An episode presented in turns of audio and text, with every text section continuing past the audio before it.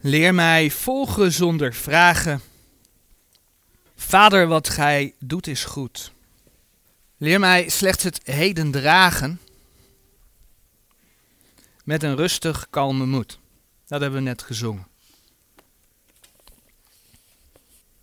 Eigenlijk zit daar ook een beetje de boodschap van vanmorgen in.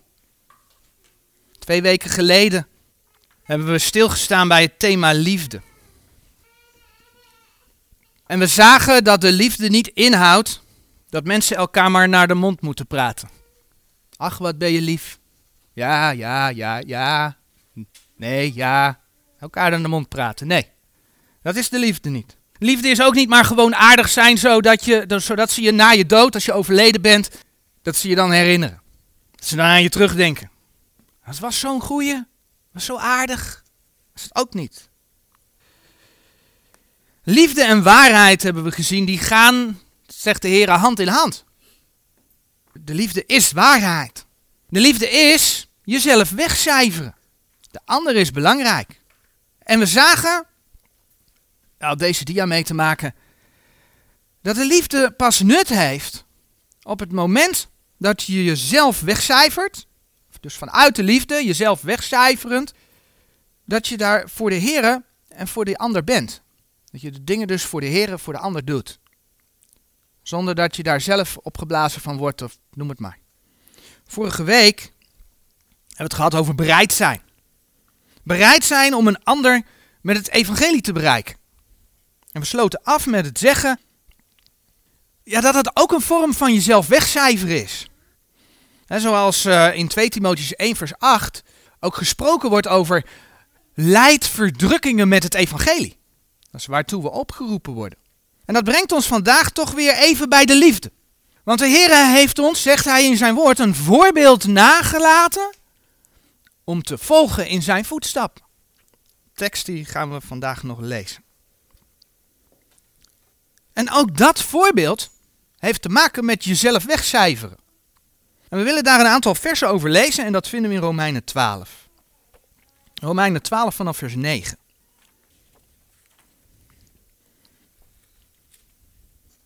Romeinen 12 vanaf vers 9. De liefde zij ongeveinsd. Hebt een afkeer van het boze en hangt het goede aan. Hebt elkander hartelijk lief met broederlijke liefde, met eer de een de ander voorgaande. Zijt niet traag in het benaarstige, zijt vurig van geest, dient de Heere. Verblijd u in de hoop, zijt geduldig in de verdrukking, volhard in het gebed. Deelt mede tot de behoeften der heiligen, tracht naar herbergzaamheid. Zegent die u vervolgen, zegent en vervloekt niet.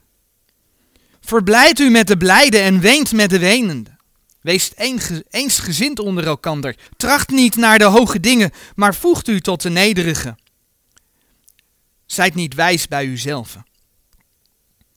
Vergeld niemand kwaad voor kwaad, bezorgt hetgeen eerlijk is voor alle mensen. Indien het mogelijk is, zoveel in u is, houd vrede met alle mensen. Wreekt u zelf niet, beminde, maar geeft de toren plaats. Want er is geschreven, mij komt de wraken toe, ik zal het vergelden, zegt de Heere. Indien dan uw vijand hongert, zo spijzig hem. Indien hem dorst, zo geef hem te drinken. Want dat doende zult gij kolenvuurs op zijn hoofd hopen. Wordt van het kwade niet overwonnen, maar overwin het kwade door het goede. En vanmorgen willen we met name stilstaan. Als je de dia bekeken hebt, dan raad je dat al wel. Bij de opdracht die we krijgen, zoals die verwoord is in Romeinen 12, vers 14. Zegent hen die u vervolgen, zegent en vervloekt niet. De vraag is namelijk, hoe gaan wij met verdrukkingen om? Hoe gaan wij om met mensen die het ons ja, moeilijk maken? Het is alweer bijna een half jaar geleden. Bijna een half jaar geleden. Dat we nadachten over het onderwerp wat te doen met autoriteit. En we zagen dat de Heer van ons vraagt dat we gehoorzaam moeten zijn aan onze overheid. Nou, waarom hebben we daarbij stilgestaan? Omdat we vandaag de dag allerlei maatregelen op ons afgevuurd krijgen. En het liefst elke week weer nieuw. En anders. En streng.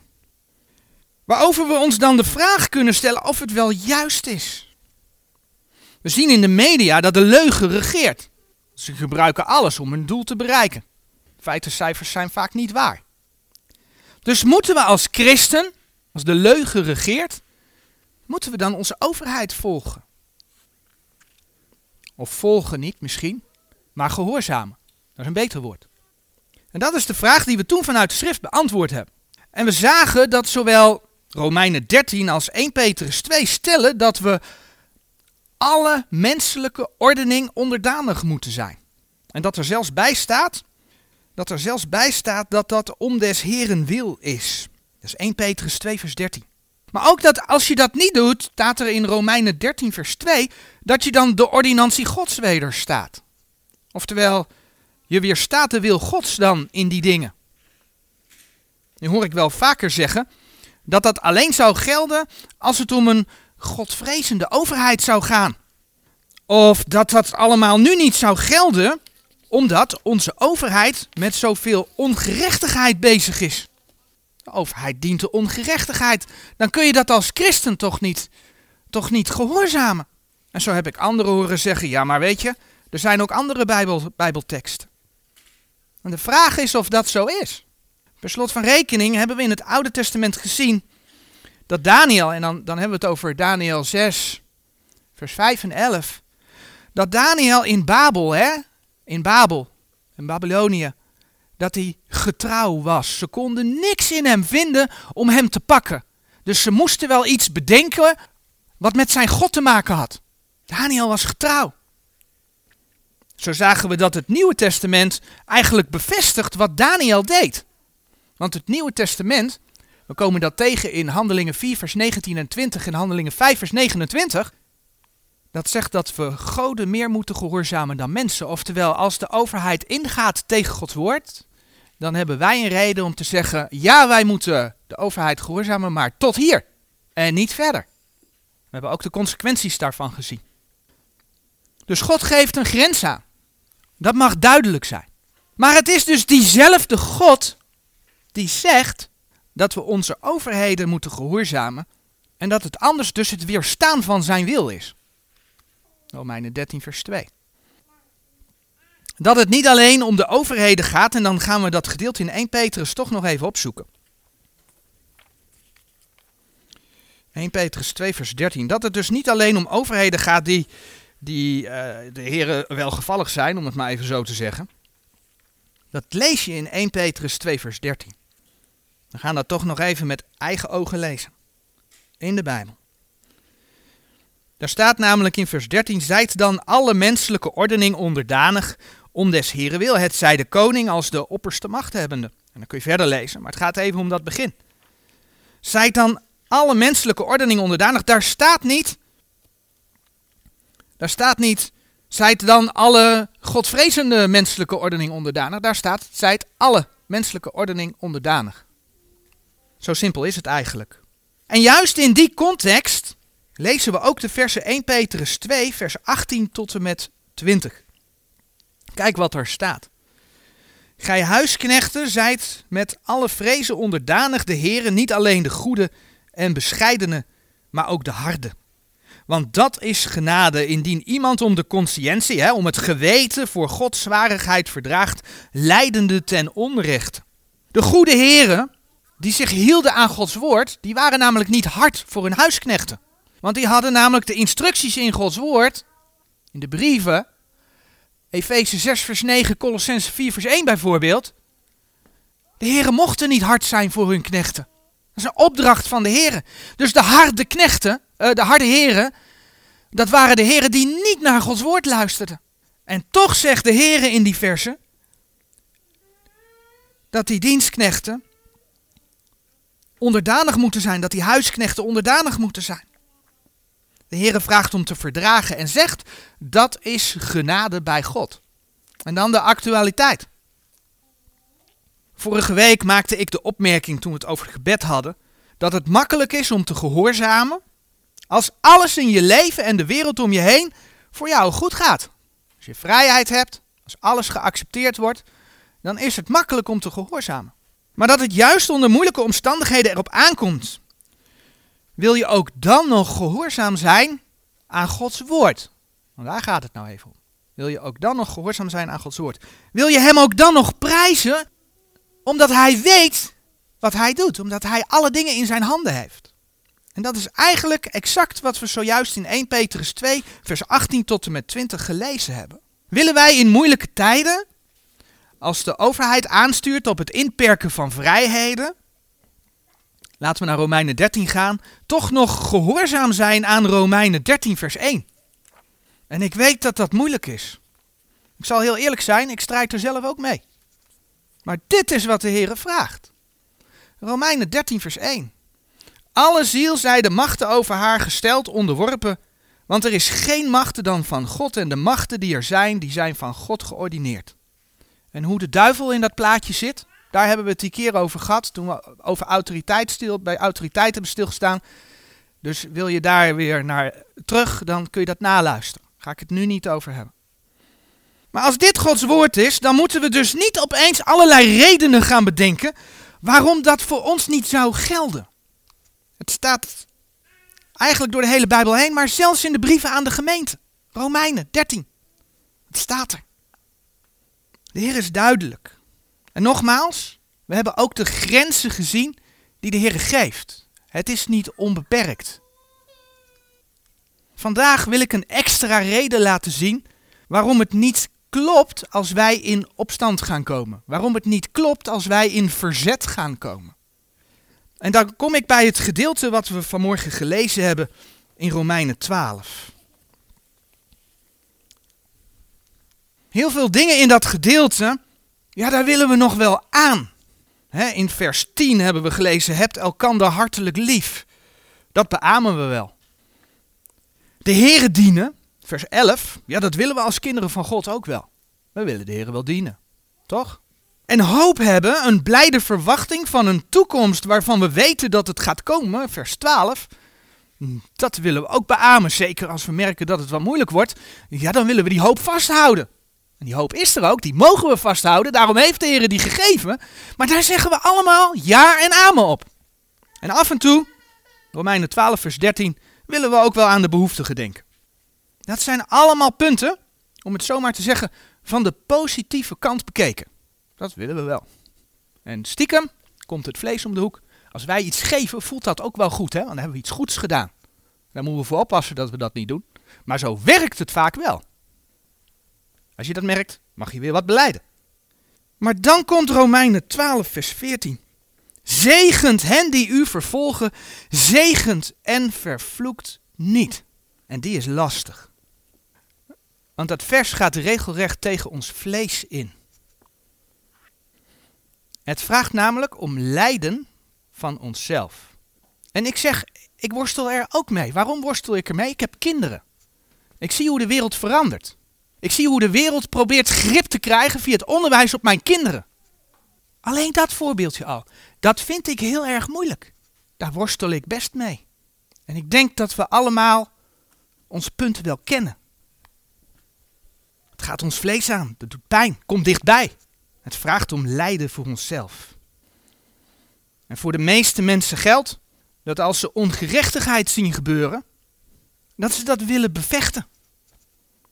Als mensen onze vrijheid van meningsuiting afnemen, waar we altijd hoog over hebben opgegeven, dat leer je op school, zijn onze grondrechten.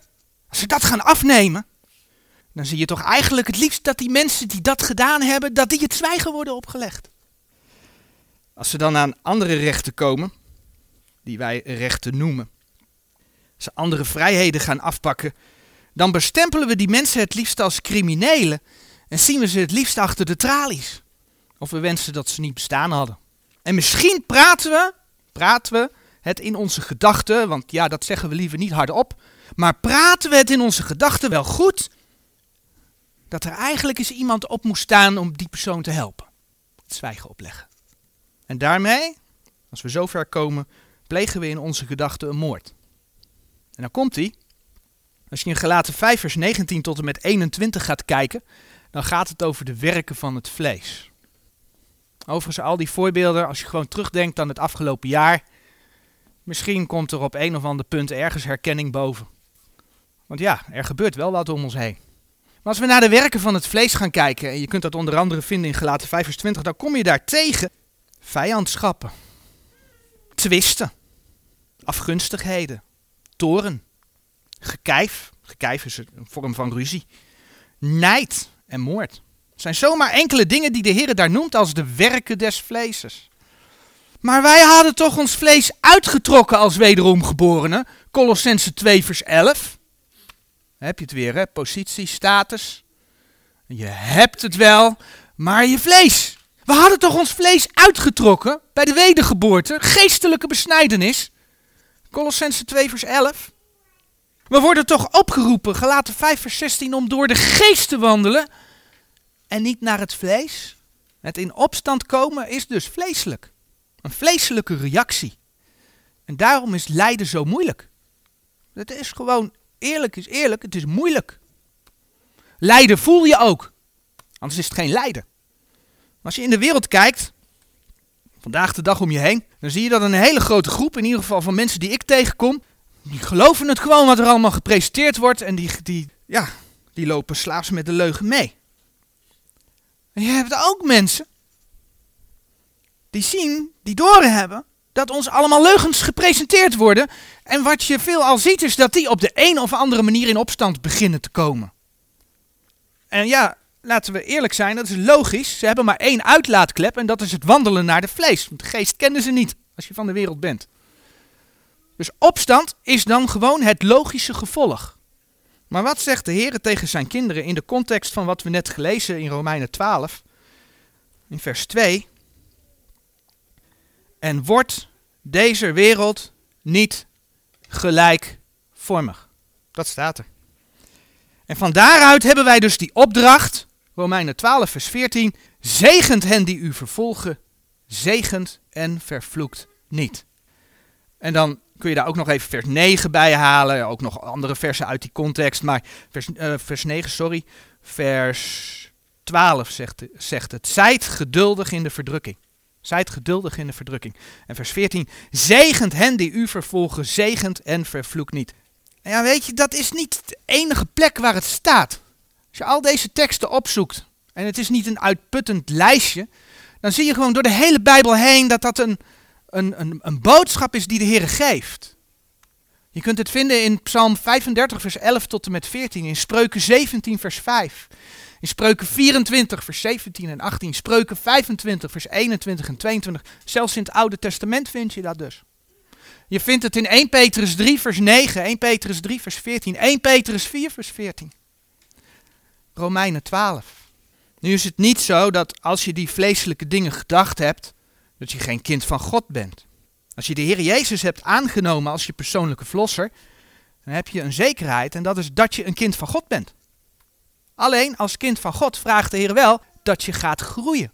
Vraagt de Heer wel, gelaten 5 vers 16, die tekst staat hier op de dia.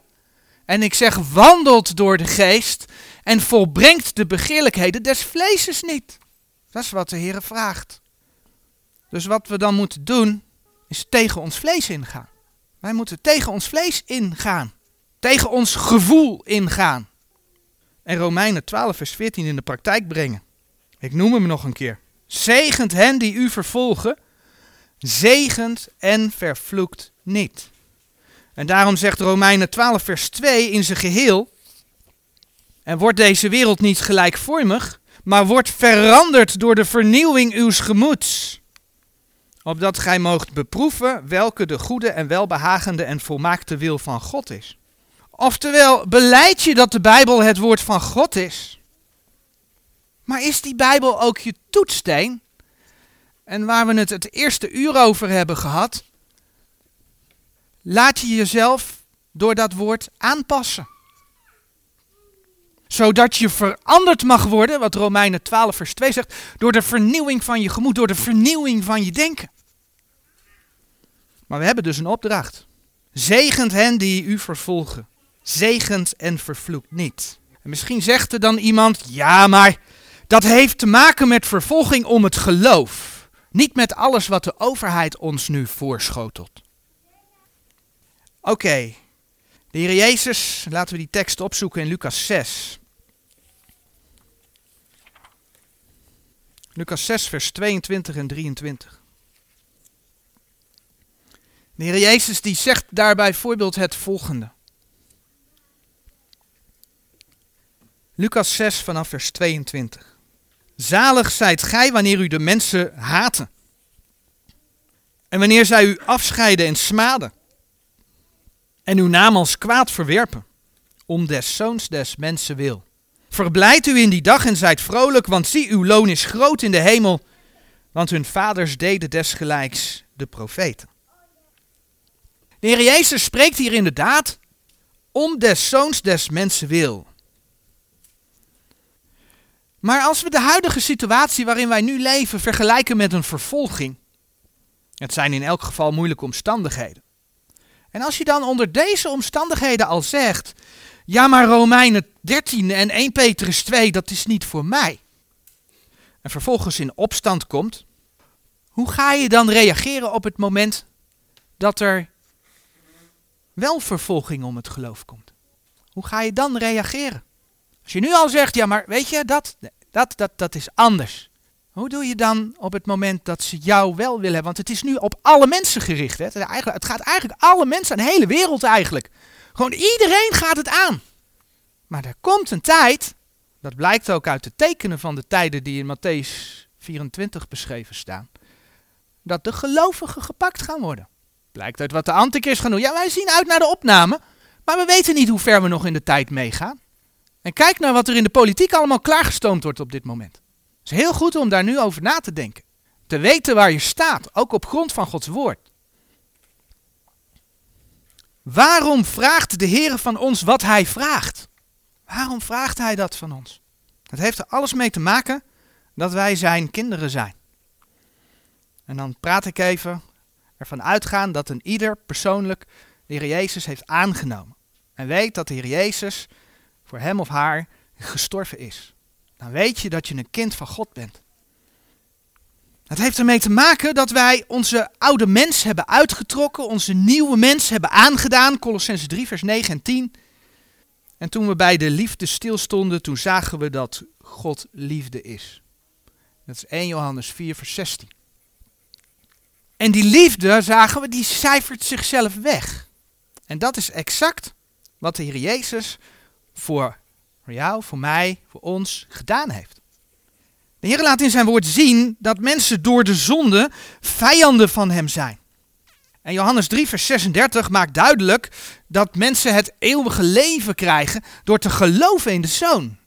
Maar op het moment dat je de zoon ongehoorzaam bent, op het moment dat je de zoon niet gelooft, dan blijft de toren gods op je. Johannes 3, vers 36, de tekst staat op de dia. En als Gods toren op je blijft, dan ben je een vijand van God. Laten we maar eens kijken wat er in Romeinen 5 geschreven staat. Romeinen 5, vanaf vers 8. Maar God bevestigt zijn liefde jegens ons dat Christus voor ons gestorven is als wij nog zondaars waren. Veel meer dan zijnde nu gerechtvaardigd door zijn bloed, zullen wij door hem behouden worden van de toren. En let op, daar komt hij in vers 10. Want indien wij vijanden zijnde, vijanden zijnde, met God verzoend zijn door de dood zijn zoons. Dus je was een vijand van God, maar doordat je de Heer Jezus hebt aangenomen, ben je met God verzoend. Veel meer zullen wij verzoend zijnde behouden worden door zijn leven. De Heer Jezus is niet voor zijn vrienden gestorven. De Heer Jezus is voor zijn vijanden gestorven. Hij is voor zijn vijanden tot in de dood gegaan. Zodat zij met God verzoend kunnen worden. Zodat zij vrede kunnen krijgen met God. Dat is wat Jezus Christus gedaan heeft. Gestorven voor zijn vijanden. De heer Jezus heeft zich gevangen laten nemen. Hij heeft zich niet verzet. De Heer Jezus heeft zich voor het gerecht laten brengen. Hij is dat niet ontvlucht. De Heer Jezus heeft zich laten geeselen. En dat was zo erg, en dan bladeren we naar Jezaja 52, vers 14. Dat was zo erg, dat geeselen, dat Jezaja schrijft hoe de Heer Jezus eruit zag. Jezaja 52, vers 14.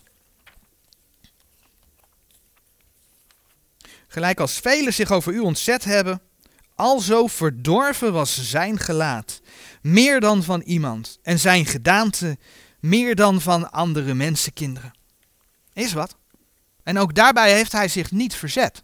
De Heer Jezus heeft zijn kruis gedragen en is gekruisigd. En ook daarbij heeft hij zich niet verzet. De profeet Jezaja schrijft over dit alles in Jezaja 53 vers 7. Als dezelfde geëist werd, toen werd hij verdrukt, doch hij deed zijn mond niet open. Als een lam werd hij ter slachting geleid. En als een schaap dat stom is voor het aangezicht zijner scheerders, alzo deed hij zijn mond niet open. En wat deed hij toen hij aan het kruis hing? Wat deed hij toen riep hij, Lucas 23 vers 34, tekst staat op de dia.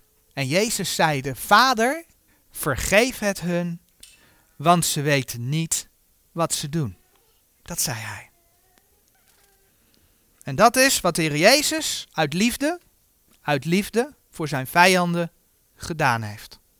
Hij heeft zichzelf weggecijferd, de liefde, en zichzelf gegeven, omdat zijn vijanden anders voor eeuwig in hun zonde zouden blijven en naar de hel zouden gaan.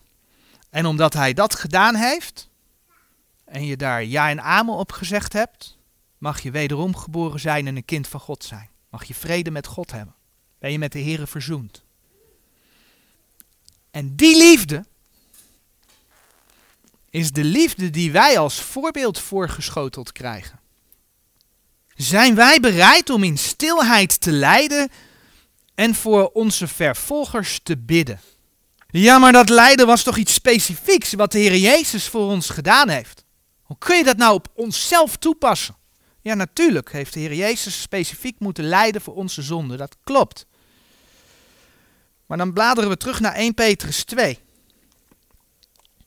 En dan lezen we in vers 21 tot en met 24 wat de Heer ons te zeggen heeft. 1 Petrus 2 vers 18 tot en met 20 hebben we vanmorgen al gelezen. Dat ging over, in vervolgen op dat we alle menselijke ordening onderdanig moeten zijn. En dan ging 1 Petrus 2 vers 18 tot en met 20 over de harde heren. Over het onterechte lijden. En dan volgen vers 21 tot en met 24. 1 Petrus 2, vers 21. Want hiertoe zijt gij geroepen, terwijl ook Christus voor ons geleden heeft, ons een voorbeeld nalatende, opdat gij zijn voetstappen zoudt navolgen. Die geen zonde gekend heeft en er is geen bedrog in zijn mond gevonden, die als hij, die als hij gescholden werd niet wederschold, en als hij leed niet dreigde, maar gaf het over aan dien die rechtvaardiglijk oordeelt. Vers 24 nog even. Die zelf onze zonde in zijn lichaam gedragen heeft op het hout, opdat wij, de zonde afgestorven zijnde, der gerechtigheid leven zouden, door wiens striemen gij genezen zijt. Vaak wordt die tekst ook als voorbeeld gebruikt en aangehaald dat we de Heer Jezus moeten volgen. En dan wordt er gesproken over de liefde, over de tekenen en de wonderen die hij deed. De context is lijden. Lijden wat hij voor jou, voor mij gedaan heeft. En dat voorbeeld vraagt hij om te volgen. En iemand die dat voorbeeld volgde was Stefanus. En dat vinden we onder andere in Handelingen 6. Stefanus was een man, zoals de Heer zegt in zijn woord, vol van geloof en kracht. Handelingen 6, vers 8. En ja, als er dan een man vol van geloof en kracht opstaat, dan staan er ook andere geluiden op. En dus er kwamen mensen die Stefanus gingen beschuldigen van lasterlijke woorden tegen Mozes en God. Vers 11 van Handelingen 6. Stefanus wordt beschuldigd en wat gebeurt er? Hij wordt gepakt en hij wordt voor de grote raad gebracht. Handelingen 6 vers 12. Waar hij vals beschuldigd werd. En Stefanus mag dan getuigen en hij geeft een hele, hele uitgebreide reden waarin hij over Israëls geschiedenis vertelt, waarin hij zelfs de zonde van het volk Israël benoemt. En waarin dan het slot is dat de Joden de profeten vervolgd en gedood hebben die de rechtvaardige, dus de Heer Jezus, verkondigd hebben. En dat zij ook de Heer Jezus gedood hebben. Daar wordt zelfs het woord vermoorden in gebruikt. Het is Handelingen 7, vers 52. Dat is uh, het slot van, van Stefanus' reden. En dan worden de Joden zo boos dat ze Stefanus meenemen en stenigen. En kijk wat er dan geschreven staat in Handelingen 7, vers 59 en 60. En zij stenigde Stefanus, aanroepende en zeggende, Heer Jezus, ontvang mijn geest. En vallende op de knieën riep hij met grote stem, Heere, reken hun deze zonde niet toe. Dat was het voorbeeld van de Heer Jezus, hè? Aan het kruis. Heere, reken hun deze zonde niet toe. En als hij dat gezegd had, ontsliep hij. Stefanus vluchtte niet. Hij getuigde en hij bad. Hij bad voor vergeving van zijn vervolgers. Hij bad voor vergeving van zijn vijanden. Stefanus volgde het voorbeeld van de Heer Jezus. De vervolging en het lijden zien we ook in het leven van Paulus. En er zijn meerdere schriftplaatsen die je daarvoor op kunt zoeken, maar een voorbeeld is 1 Korinthe 4, vers 9 tot en met 14. Paulus die weet wat het is. Paulus weet wat het is. En hij schrijft dan in 1 Thessalonicense 2 het volgende. 1 sorry, 1 Thessalonicense 5. 1 Thessalonicense 5 vanaf vers 14. En wij bidden u, broeders, vermaand de ongeregelde, vertroost de kleinmoedige, ondersteunt de zwakke, zijt langmoedig jegens allen. Ziet dat niemand kwaad voor kwaad iemand vergelden, maar jaagt alle tijd het goede na, zo jegens elkander, binnen de gemeente, als jegens allen. Verblijd u alle tijd. Zoals we opgeroepen worden om de Heer onder alles te danken, onder alles te prijzen. Zo lezen we hier dus, juist onder ook de verdrukking, verblijdt u allen tijd. Het verdragen en, uh, van vervolging en lijden is dus het volgen van het voorbeeld van de Heer Jezus. Het hoort er gewoon bij. En in Johannes 16, vers 33, daar zei de Heer Jezus al tegen de discipelen. Deze dingen heb ik tot u gesproken, opdat gij, uh, opdat gij in mij vrede hebt. In de wereld zult gij verdrukking hebben. Maar hebt goede moed, ik heb de wereld overwonnen. Johannes 16, vers 33 was dat. Maar in de brief aan de gemeente komen we hetzelfde tegen. Blader maar verder naar 1 Timotheus, uh, 2 Timotheus, 2 Timotheus 3, vers 12.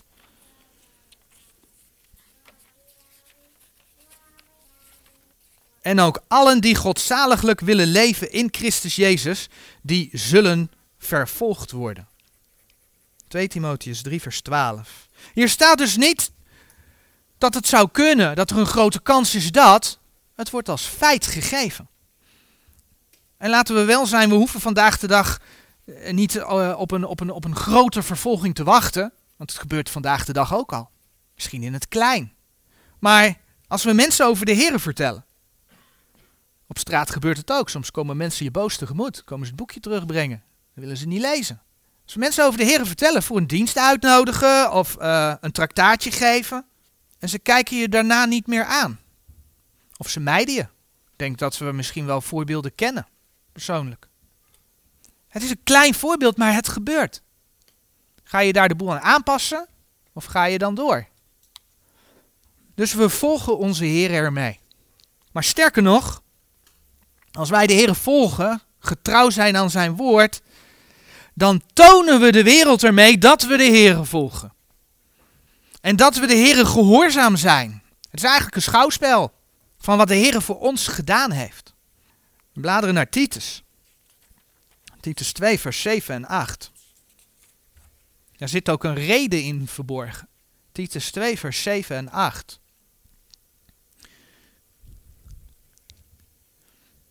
Betoon u zelf in alles een voorbeeld van goede werken, Betoon in de leer onvervalstheid, deftigheid, oprechtheid, het woord gezond en onverwerpelijk, opdat degene die daartegen is beschaamd worden en niets kwaads hebben van u te zeggen, van uw lieden te zeggen.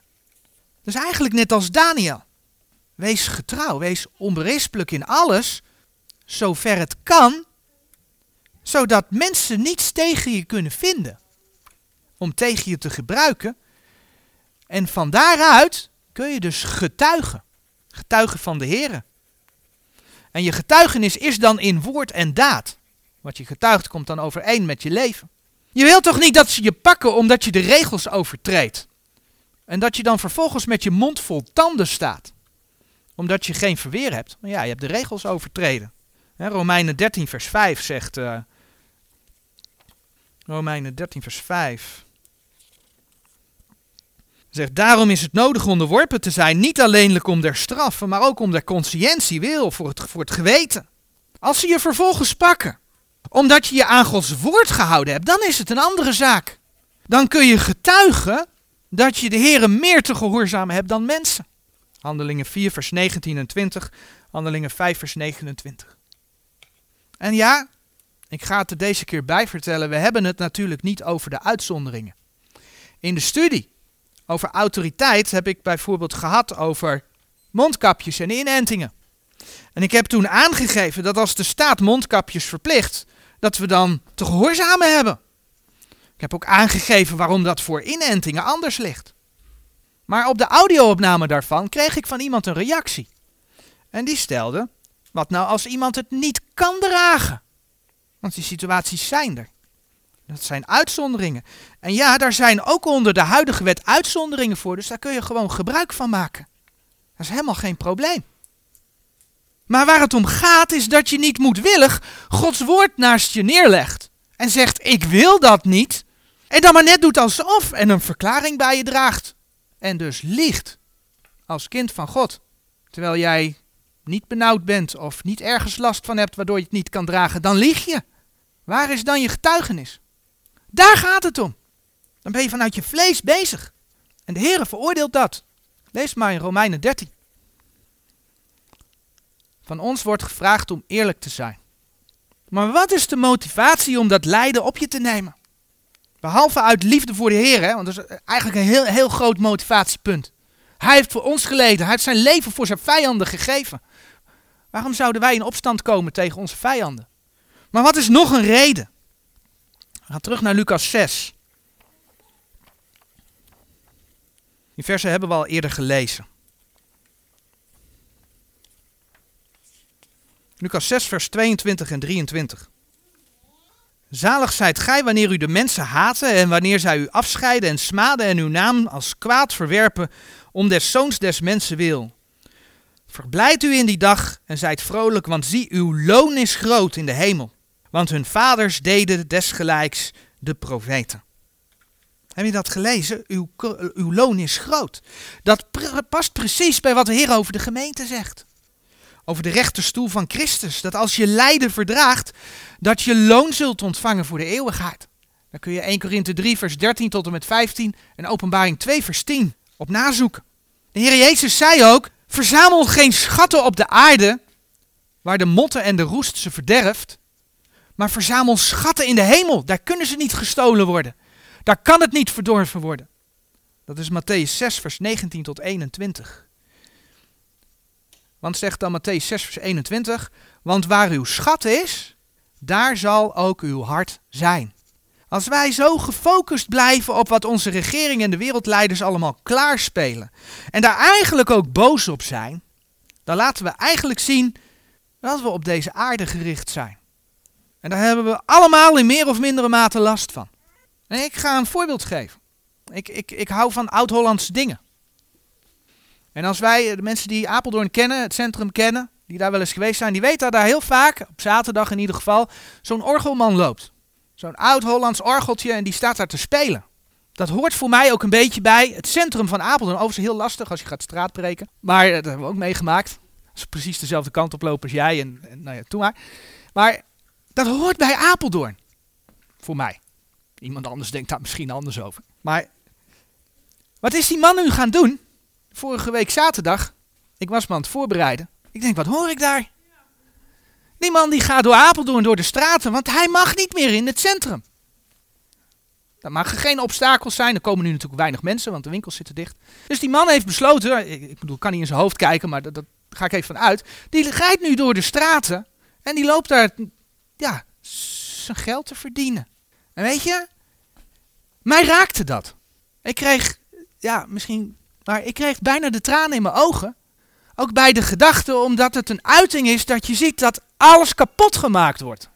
Alles wordt kapot gemaakt. Ik kreeg het, ja, bijna de tranen van in mijn ogen. Maar weet je, op het moment dat ik daar de tranen van in mijn ogen krijg, omdat deze wereld kapot gemaakt wordt, ben ik aardsgericht. En ik weet, we mogen ook meeleven, hè? dat mag. Maar ik ben op dat moment wel aardsgericht. Want als we naar deze tijd kijken, het gaat niet beter worden. En het is Gods toren die over de aarde gaat komen in de grote verdrukking. Wat wij willen is, is dat wat wij hebben, dat willen we behouden. Maar daar ligt geen redding. Welke muziek draait die man? Nou ja, ik ga niet naar al die zangers op televisie zitten kijken. Dus waarom krijg ik dan tranen in mijn ogen? Ja, nee, waarom krijg ik, eh, waarom krijg ik dan tranen in mijn ogen? Dan moet ik dus beleiden. Want ik ben aardsgericht op dat moment. Eigenlijk moet ik bidden, Heere, vergeef mij en zegen de mensen die dit allemaal aanrichten. Die de boel kapot maken. Ze weten niet wat ze doen. En wilt u ook hen, ook in overheidskringen, bereiken met uw evangelie. Dat ook zij mogen gaan zien wat ze doen en dat ze u mogen gaan leren kennen. En heren, wilt u ook in het hart van die orgelman gaan werken? Dat ook hij u mag gaan leren kennen. Want dat is het enige wat redt. De vraag is dus, hebben wij de eeuwigheid in ogenschouw? Zo hebben we opnieuw een boodschap van Gods wegcijferende liefde gezien.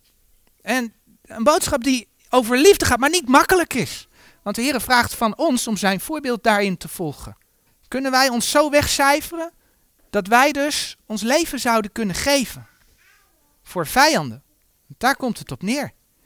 Kunnen wij van harte zeggen, zegent hen die u vervolgen, zegent en vervloekt niet. Romeinen 12, vers 14.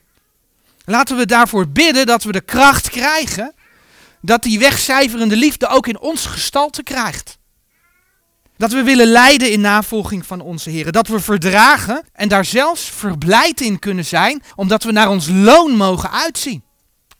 In de eeuwigheid. Zegent hen die u vervolgen. Zegent en vervloekt niet. Ik heb die tekst nu al heel vaak genoemd vanmorgen. Kennen we hem ondertussen? Laten we hem samen opzeggen. Zegent hen die u vervolgen. Zegent en vervloekt niet. Romeinen 12, vers 14. Ik hoor bijna niks. We doen hem nog een keer. Zegent hen die u vervolgen, zegent en vervloekt niet. Amen.